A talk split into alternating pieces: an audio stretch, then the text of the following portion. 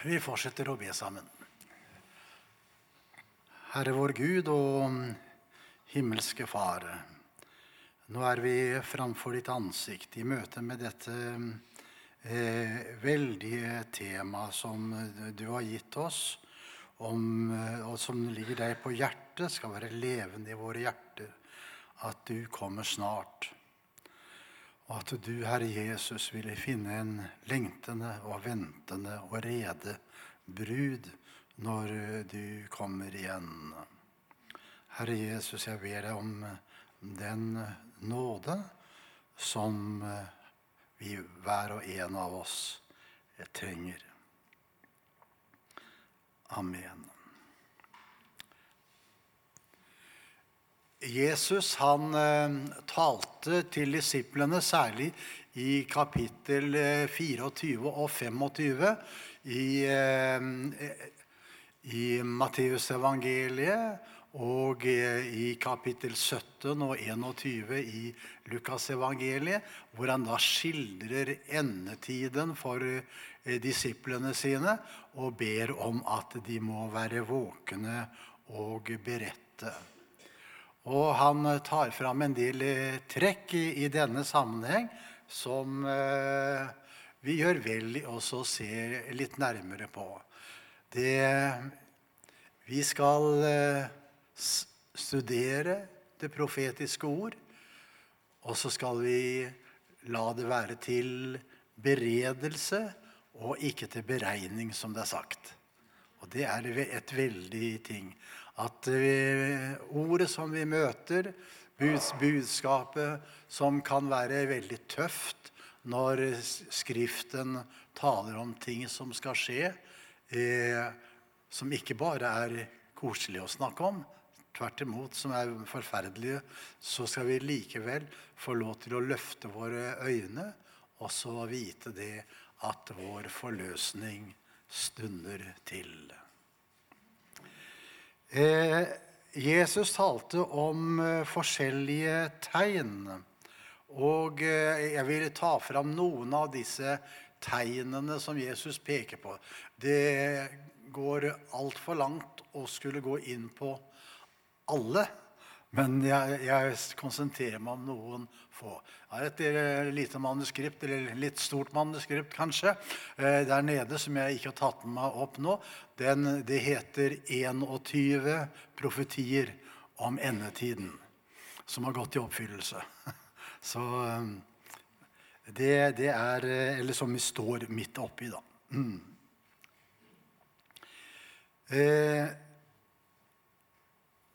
Det er et ord som taler om situasjonen i verden og eh, omkring oss, tegn i tida, som var i den første kristne tid, og som gjenspeiler seg da i vår tid. Og eh, av og til så kan det nesten sagt bare være nødvendig å bare lese eh, begrepene så er disse begrepene faktisk døråpnere for oss, at vi ser litt omkring oss også. Og ikke minst kan vi se inn i vårt eget hjerte og bli avslørt, komme inn i Guds lys, og ser ofte hvor eh, preget også vi blir av denne verden. Vi lever i en verden som er antikristelig. Og så vil disse åndsstrømmene også inn i våre liv og, og gjøre at vi tenker som verden. Den gamle redaktøren av, av Dagen, som het Ja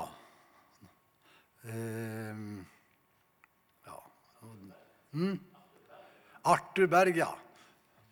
Hadde det på tunga før jeg gikk, og, så plutselig så er, er, er, det vekk.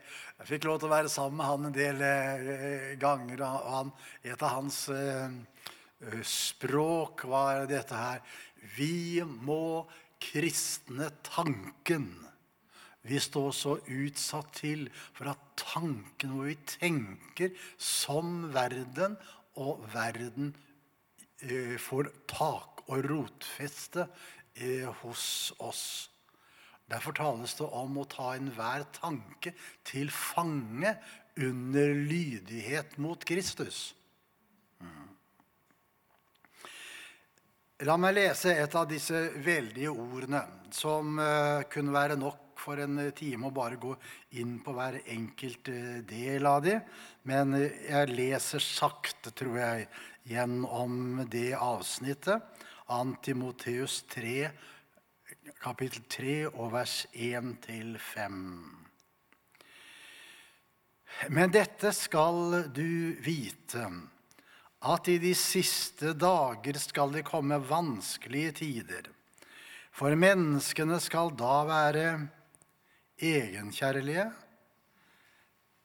pengekjære, skrytende, overmodige, spottende, ulydige mot foreldrene, utakknemlige, uten aktelse for det hellige, uten naturlig kjærlighet, uforsonlige, baktalende, umåtelige, voldsomme, uten kjærlighet til det gode, svikefulle, oppfarende, oppblåste, slike som elsker sine lyster høyere enn Gud.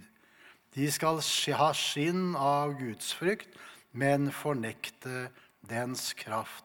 Slike skal du vende deg fra, står det. Det var litt av de omstendighetene som han levde under. Han møtte disse menneskene. Det var ikke an å anbefale å ha vennskap med den slags mennesker, altså. Å omgås dem slik. En annen sak er å, å eh, evangelisere og komme med vitnesbyrd om Jesus. Det skal vi gjøre til alle mennesker. Men da tenker en at den går inn i samklang og forening med dem. Nå er det mange ting her å, å ta fram. Men der kampen i endetiden kommer til å stå, eller sto eh, i sin tid, og som den står i dag, det er familielivet. En drabelig kamp vil det være om familielivet. Her sto det om å være ulydige mot foreldrene, uten aktelse for det hellige uten naturlig kjærlighet osv. Denne synd har jo levd i samfunnet nesten sagt eh, til alle tider. Det har alltid vært eh, motsetninger mellom generasjoner eh, opp igjennom. Så det er ikke noe nytt. Det er noe med løsrivelsesprosessen å gjøre det. Men som regel så det, har det kommet til harmoni etter hvert som folk har blitt eldre og, og, og, og sånn. Den eh, amerikanske filosofen og eh, psykologen Erich Fromm han har jo skrevet eh, mange eh, bøker om mellommenneskelige ting og er, er eh, dyktig til å analysere mange ting.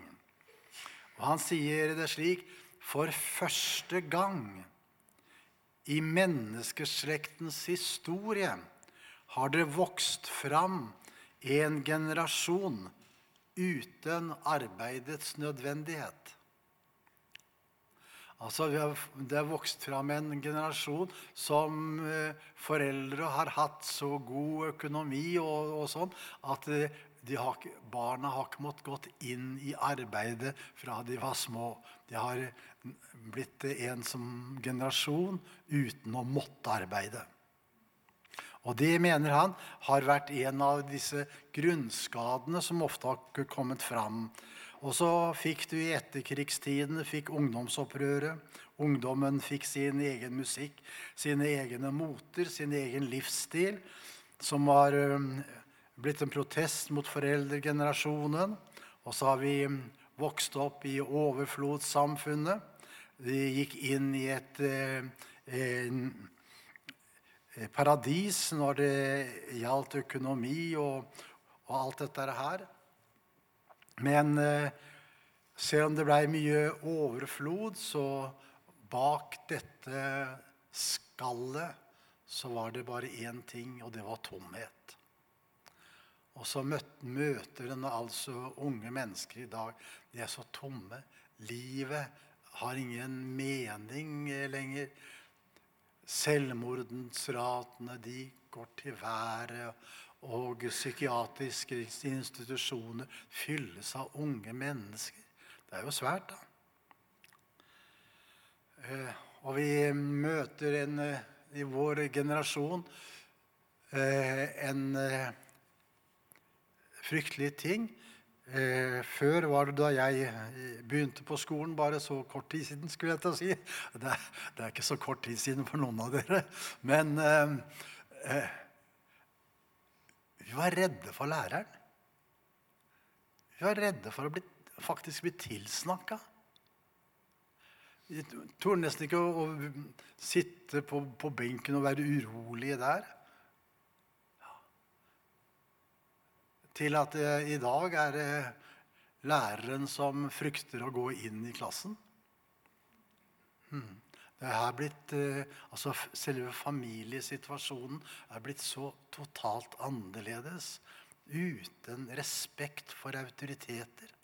Det er noe av det som eh, Bibelen taler om i denne sammenheng. Som skal prege endetida. I den siste tid så skal det være sånn. Og nå er det perspektivet på dette her eh, da. Men som jeg sa i, i, i stad, det er en veldig sterk likhet mellom det samfunnet og hva de opplevde, de første kristne, som de siste kristne kan du si, eh, skal oppleve. Et angrep på familien som enhet. Den er selve bæresøylen ut ifra Guds ord, fra skapelsesordenen av. Og uten aktelse for det hellige Det ser vi tydelig i vårt eh, land de siste generasjonene. At eh, det er ikke noe som er hellig lenger.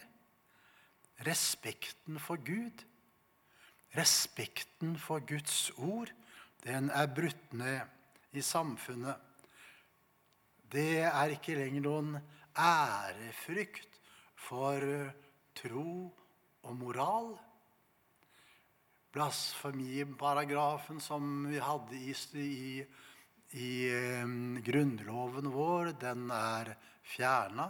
Det er ikke grenser for hva folk kan si og gjøre i det offentlige rom, stort sett. I hvert fall ikke når det gjelder å harselere med, med kristne. Og i film og teater og litteratur så boltrer de seg i respektløshet for det hellige. Det er liksom ikke måte på hva som kan fremstilles av det som er imot uh, Gud og Guds uh, vilje. Og skal noen være morsom, så skal de gå på bekostning av det hellige. Ringakt uten aktelse for det hellige var noe som skulle altså prege endetida, står det i denne sammenhengen. Og så står det uten naturlig kjærlighet. Kjærligheten mellom en mann og en kvinne skulle miste sitt fotfeste. Det skulle bli et samfunn hvor dette ble foraktet, hvor dette ikke lenger fikk prioritet, men som ble skjøvet ut i siderommet. Vi har over lengre tid sett oppløsningen av ekteskapene. Det skjer i vårt land, men det verste er at det skjer utover store deler av verden. Og eh, vi ser hvordan dette har akselerert og akselererer. Jeg eh, vokste opp i Porsgrunn da på 50-tallet og gikk på skole da. Jeg visste ikke om en eneste en som var skilt. Ingen i klassen hadde kom fra skilsmissebakgrunn. Men eh, i dag er det over halvparten. Og eh, slik er det at eh, At dette stormangrepet går imot eh, familien, og så ser vi hvordan Sodoma og Gomorra, eh, som Jesus talte om Når han talte om de siste tider, så talte han at det skulle bli som Sodoma og Gomorra. Det skulle være som Noas tid og Lots tid. Begge deler eh, eh, sammenfattes, og som går på et eh, moralsk forfall om folket før vannflommen, så står det at de hadde fordervet sin ferd. Det fantes ingen lysglimt igjen. Det var ikke noen lenger som gjorde det gode. Og byen Sodoma, hvor Lot hadde da sitt eh, tilholdssted etter at han først hadde flyttet utenfor byen, hadde neste gang i byen. Og så står det at uh, mennene i Sodoma var onde og syndet storlig mot Herren. Så er det at Herren kom på besøk til Abraham. Og så tar han han med på en spasertur hvor de har utsyn over Jordandalen og ned mot Sodoma og Gomorra, som lå på slettene der nede hvor i dag det døde hav ligger. Og så sier Herren og betror han til Abraham jeg går for å ødelegge byene Sodoma og Gomorra. For det har stiger som et skrik fra disse byene opp i mitt øre og krever reaksjon på den ugudelighet som foregår.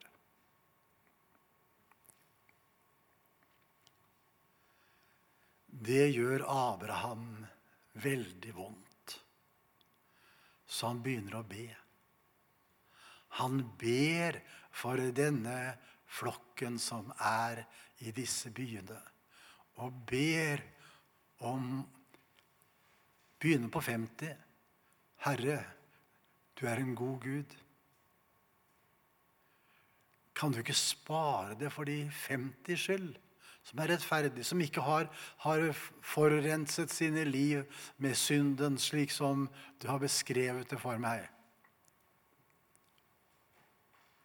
Og så sier Herren ja. Så vet du hvordan Abraham gikk ned og ned og ned i antallet inntil at han kom til ti rettferdige. Da var det ikke mye mer enn Lot og hans familie. Og så slo han seg til ro med det. Men straks etter så er det at det regner ild og svovel over denne byen. Det var ikke én rettferdig der i denne byen, slik at Herren måtte ødelegge den. Det var eh, skaperverket som de protesterte mot. De hadde en utstrakt eh, vi vil si homofili. De hadde unaturlig sex. Og det kan ta så mange former. Og så er det Herren i sin dom sier det er nok. Og så er det at Herren taler videre også med, med Israelsfolket. Og da de skal passere disse byene, så sier han dere må vokte dere for å handle slik som folket i Sodoma og Gomorra handla. For da vil jeg utslette dere på samme måten. Herren er så nidkjær for sitt skaperverk han er så nidkjær for dette at han har, har skapt dem til én mann og til én kvinne. Og de skal gjenspeile Guds bilde på jorden. Og de skal virkeliggjøre Guds hensikt med mennesket. Alt annet er en protest imot Guds vilje og Guds skaperverk. Så det, det er det er eh, viktig å ta med. Og vi, dette her kan du si vi har eh, nok folk som kanskje eh, kjemper med disse legningene og, og, og, og slik. Og, det er ikke, er ikke, lett. Men vi må holde fram hva som er Guds vilje, og hva som er Guds tanke med et menneskeliv. Så det er en åndsmakt som ligger bak dette. Det eter på seg. Det er onde åndskrefter som vil gjennomsyre vårt samfunn. Det blir mørkt når Guds lys blir borte fra et samfunn og fra mennesker. Dette er villet. Jeg har med her et lite sitat fra en av våre forfattere. Der sier han det slik Gi oss stadig mer pornografi. Kjør på. Dyng på med striptis, sodomi, voldtekt, nekrologi og blodskam. Pøs på. Vi ønsker intet mindre enn at vi oversvømmes og drukner i usedelighet. Det skrives offentlig i dag fra en av våre forfattere. Du skjønner, Her er det åndsmakter som er eh, inne i bildet. Derfor er det eh, at Guds ord advarer oss så sterkt mot eh, slike ting. Det kunne vært mye å si om det, men jeg syns det hører med, fordi at Guds ord advarer oss om disse tingene. Og det er ikke lett i dag å stå opp mot de kolossale åndskrefter som står bak preid og, og lignende ting i dag, som vil liksom sluke oss og, og få oss uh, til å gå inn i dette. Som er et uh, angrep på Gud og Guds ord og Guds ordninger for uh, menneskelivet. Eh, la meg ta et uh, annet endetidstegn som uh, Guds ord taler om. Som dere så, så var det nok å ta fram i de avsnitt jeg leste, av, ting som er så aktuelle, og som gjenspeiles i samfunnet vårt. Men Jesus sier at samfunnet vårt en, i endetiden det skal være preget av frykt og engstelse. Folk skal være urolige, de skal være redde. Og så sier han det jeg leser fra Lukas 21, da, som er et av de, de talene som Jesus holdt til sine disipler når han forberedte dem på det som skulle komme i endetida. Og det skal vise seg tegn i sol og måne og stjerner. Og på jorden skal folkene bli grepet av angst og fortvilelse når hav og brenninger bruser. Menneskene faller i avmakt av redsel og gru for det som skal komme over jorden. For himmelens krefter skal rokkes. Og i Lukas 21, eh, litt tidligere der, så står det når dere hører om kriger og opprør, så la dere ikke skremme. For først må disse ting skje, men enden kommer ikke med det samme. Da sa han til dem, folk skal reise seg mot folk og rike mot rike. Store jordskjelv skal det være, og hunger og pest mange steder. Fryktelige ting skal skje, og det skal vise seg veldige tegn eh, fra himmelen. Jeg leste nettopp nå at det greske ordet for fryktelige ting som står her, også oversettes med terror. Og så er vi midt inne i, i disse tingene som vi legger merke til her. Det har vært krig og rykter om krig eh, opp igjennom årene. Det er ikke noe nytt i, så fall. Men eh, krig er noe som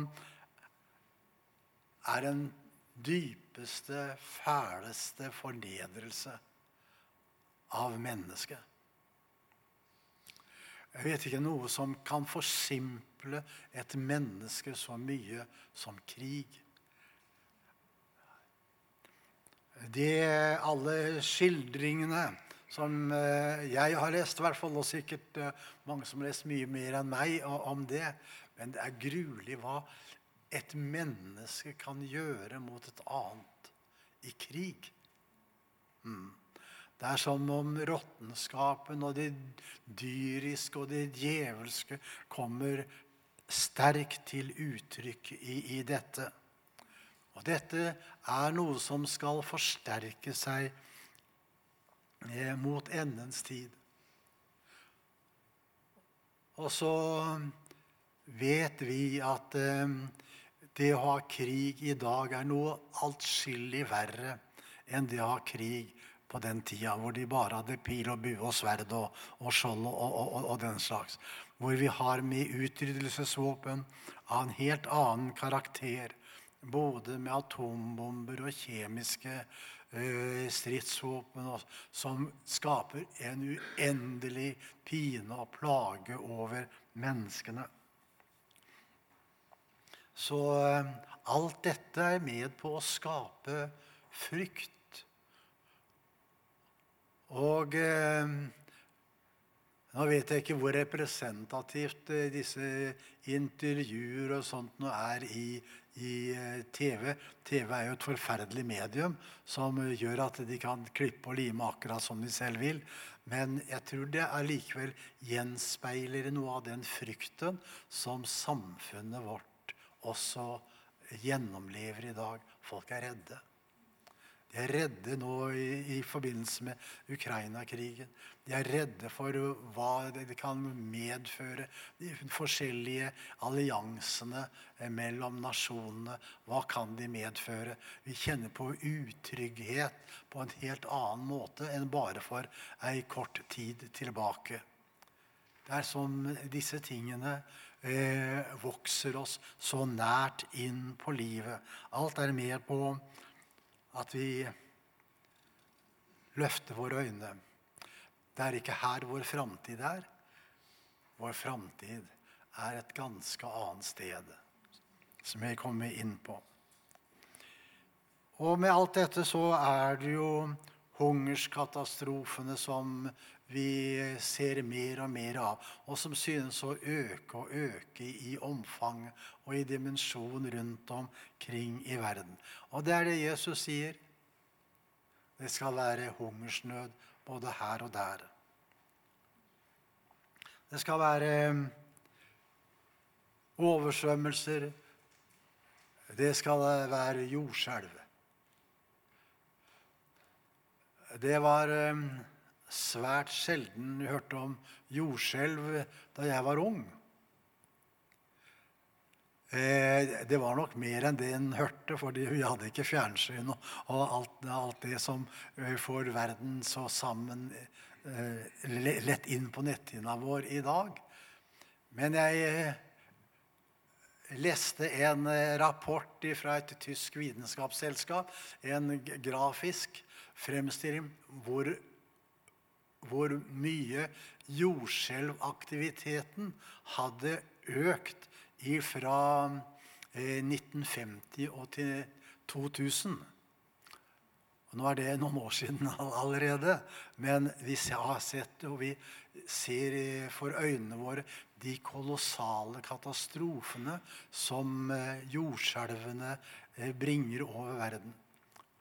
Jesus har sagt det. Det skal særkjenne den siste tid. Det skal bli mye jordskjelv. Folk skal engstes. Er det oss som er utsatt neste gang? Så eh, kan vi ta fram eh, lovløsheten, som det sto om her. Lovløsheten skal ta overhånd, stod det i Matteus 24, eh, 12. Det skal eh, bli forakt for lovene, kan det bli. Eller det blir så mange lover at eh, ingen tar hensyn eh, eh, til dem. Uretten, den fremmes. Og det blir uretten som kommer til å herske. Og så sitter vi i en flokk her som kanskje rundt neste sving må gå i fengsel fordi vi tror på Guds ord og tar Guds ord på alvor. Da er vi tilbake i den krist, første kristne tid, hvor det å vitne om Jesus medførte at de ble kasta i fengsel, at de ble kasta for ville dyr, at de ble torturert. De, verden ville ikke ha noe med dette å gjøre. Så knyttes båndene fra den første kristne tid til endetiden. Det er slik vi eh, vil oppleve det. Det er en tid uten lover. Det vil si at de guddommelige lovene de blir satt til side. Det går med full fart fram imot ei tid hvor Antikrist skal tre fram. Vi ser han ikke i dag, men vi ser at de instrumentene som han kan nyttiggjøre seg av, de blir stadig mer og mer tilgjengelig. Vår tid med all den digitalisering og overvåking som eh, vår tid er full av, den legger til rette for at han som kommer, og som er mot Kristus, og som skal styre folkene imot undergangen, han er ikke langt unna. Det er mye å si om, eh, om han, men jeg skal la det være. Men eh, bare no, noen sånne få glimt blir det i, i, i denne sammenheng. Jesus eh, taler også om at det er tegn som skal vise seg i den kristne forsamling. La meg, eh, før jeg går inn på det, få komme med en bekjennelse. Det er mange synspunkter eh, på endetida. Og du får høre mye i radio og fjernsyn og på de kristne kanaler. Eh, det er noen som har et veldig skjematisk eh, bilde av endetida. De har alt på det reine. Og de tenker som så at eh, bare vi forstår det rett, så får vi alle brikker til å gå opp. Da kan vi plassere alt på rette plass, og så har de et helt mønster på, på disse tingene som har med endetida å gjøre. Eh, Jeg må si det at det, det er eh, Jeg har nok vært veldig positiv til det tidligere, men har blitt litt mer eh, reservert over for det seinere. Og særlig når det får slike uttrykk, eller inne at de presenterer det som at deler av Bibelen ikke er for oss. Når de sitter og leser Bibelen, så sier de det hører jødene til, og det hører den tidshusholdningen til, og det hører den tidshusholdningen til. Eh, Fader vår er ikke en, en, en bønn for menigheten osv. Den eh, aronittiske velsignelse kan vi jo ikke lyse, fordi det er en, en eh, velsignelse for jødene og ikke for menigheten osv. Eh, Det er mange sånne ting som vi hører, som jeg for min del ikke kan gi mitt hjertets tilslutning til. Jeg vil ha en bibel som jeg går til alle deler av Bibelen, og det er mitt ord. Det er Guds ord til meg.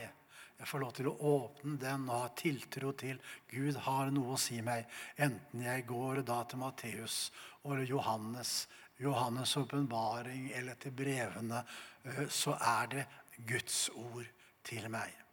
Så eh, når de deler opp slik, så blir jeg litt redd. Eh, Og eh, jeg sier ikke at det ikke behøver å være rett, men jeg har, jeg har det ikke sånn sjøl. For å si det slik. Så når jeg leser Jesu taler om endetida, så tror jeg at Jesus taler om endetida, og det er min endetid. Mm. Det er noe jeg skal være forberedt på.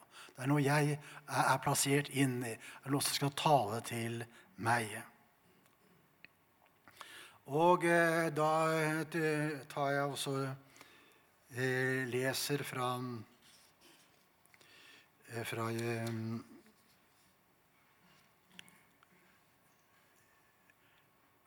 Titus Nå Nei, det var ikke det jeg skulle Jeg tror jeg la noe feil her.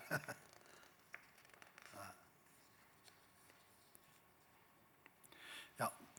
Eh, Fra Titus brev, her eh, 4-33.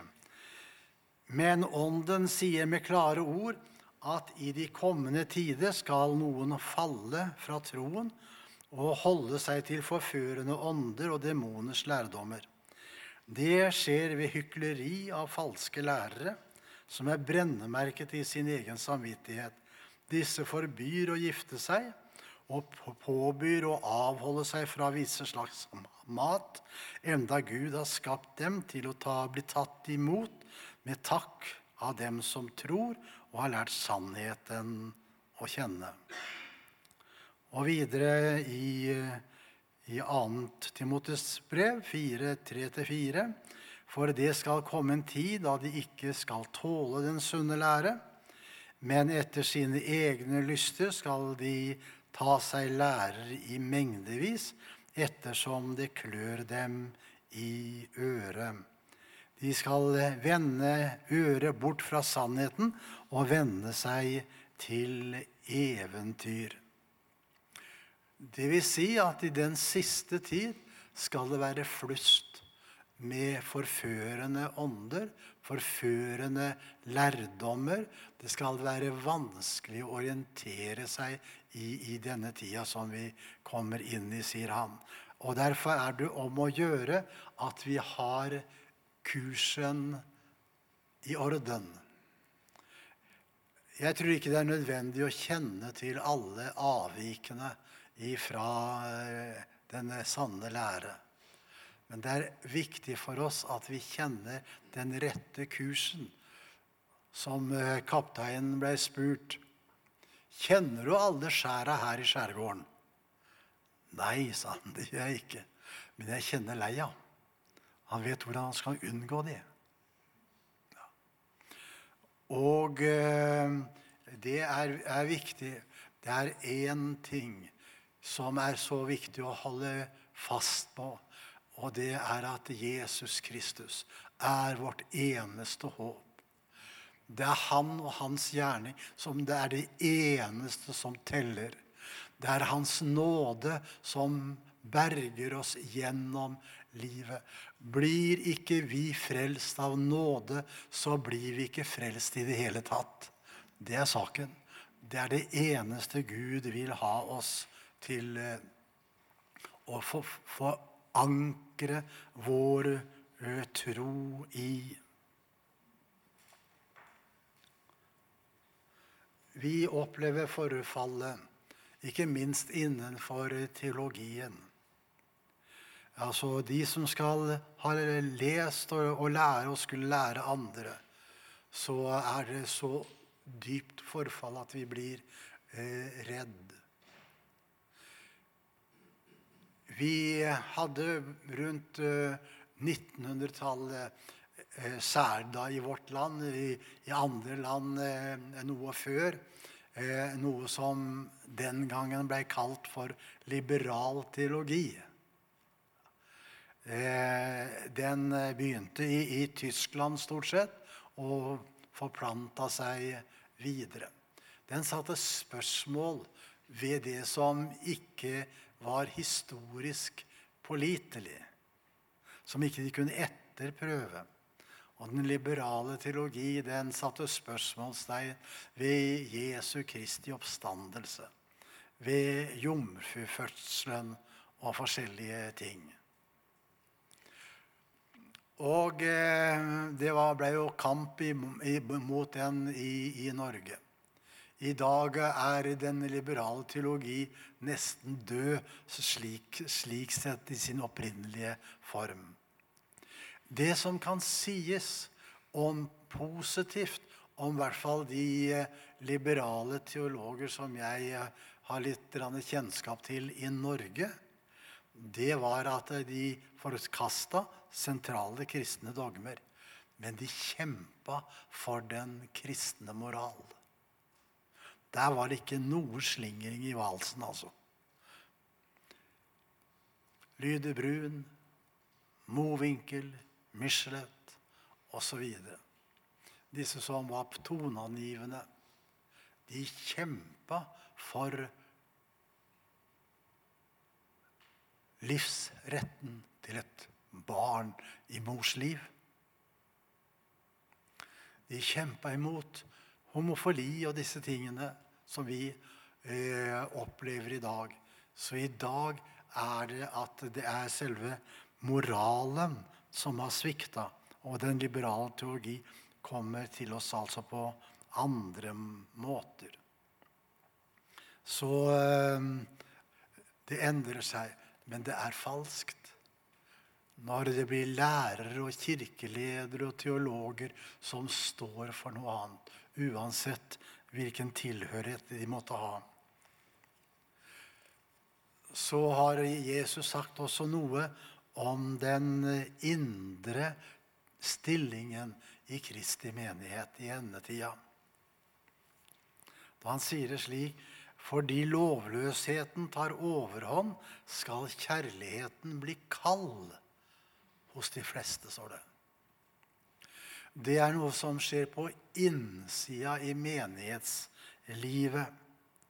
Det var ikke lenger klare signaler som ble gitt når det gjaldt liv og lære og innholdet i troen.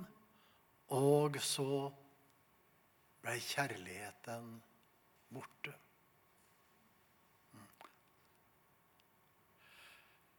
Og en kan spørre Det kan være at eh, folk taler mye om kjærlighet. Det er et av de store hovedordene også i dag, er det ikke det?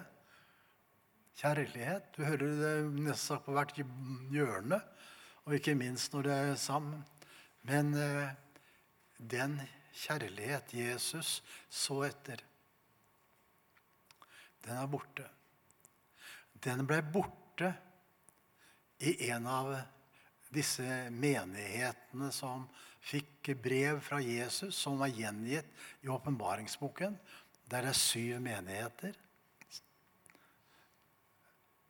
Det gjør ikke noe om jeg sier at du spurte meg om hvordan jeg så på disse eh, menighetene i åpenbaringsboken. Og la meg si det sånn, Noen som ser det en progressiv, at den første kristne menighet det, det var først, første menigheten, Efesus-menigheten. Og så at det siste tid er Laudikea-menigheten. Eh, det er noen som har laga veldig mye lære omkring dette her. Ikke minst Jesus Alone-bevegelsen i Amerika. Eh, jeg ser det slik at alle disse menighetene har noe å si til oss til alle tider. Det er et budskap som ikke vi kan legge vekt. Vi må gå inn i alle disse brevene. Og de har et budskap til oss i enhver situasjon. Og vi skal speile oss i dette Guds ordet. Men der i menigheten i Efesus fikk de høre du har forlatt din første kjærlighet. Det er eh, sammenhengen også om vi finner troen på jorden. Kjærligheten blir kald hos de fleste. Hva er det egentlig som kan skape og vedlikeholde kjærligheten i et Guds barns liv? Jeg tror det kan være forskjellige ting, men jeg, jeg tror hovedsaken er denne. Jesus sa det. Hun elsker mye, for hun er meget tilgitt. Det er en nøkkel inn. Den som har behov for syndenes forlatelse den som kommer med sin nød til Jesus og ikke kan unnvære ham, der lever kjærligheten, der vokser kjærligheten, der brenner den. Og når det blir likegyldig, når, når likegyldigheten faller inn over et Guds barns liv jeg Selvfølgelig er jeg en kristen. Jeg har alltid vært en kristen, og jeg, jeg gjør jo akkurat sånn som de andre kristne som det blir bare på det overfladiske plan. Og hjertet er uten frykt, uten takknemlighet til Jesus for nåden og hans velsignelse og syndenes forlatelse. Da er det fare på ferde. Og da er Jesus inne i dette som han kaller for søvnens tid. Den siste tid i Kristi menighet skal være preget av søvn. De ti jomfruene sovnet alle, står det. Og nå ble søvnen forskrekkelig alvorlig for de som ikke var rede. Men det skal være en søvnens tid. Da går tiden forbi oss. Vi merker ikke når vi sover. Vi kjenner ikke, har ikke noen følelser sånn når vi sover. Nei. Det er ingen aktivitet når vi sover. Der blir det aldri sagt et ord sånn vanligvis, i hvert fall når vi sover. Nei, det er likegyldighet. Det er Jesus redd for. Derfor eh, er det at han taler så sterke ord om dette med sine disipler. Våk og be.